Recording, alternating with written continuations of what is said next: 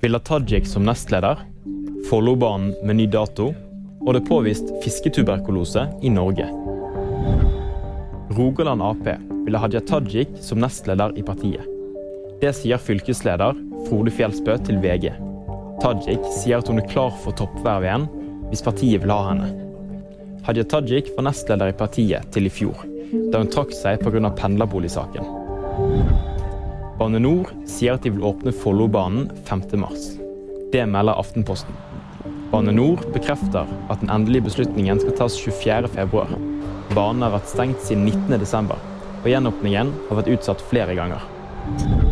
For første gang er fisketuberkulose påvist i makrell i Norge. Det skriver Havforskningsinstituttet.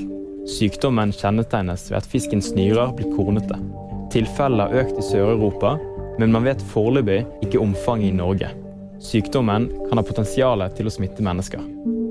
VG-nyhetene fikk du av meg, Håvard Flatbø Tretteberg.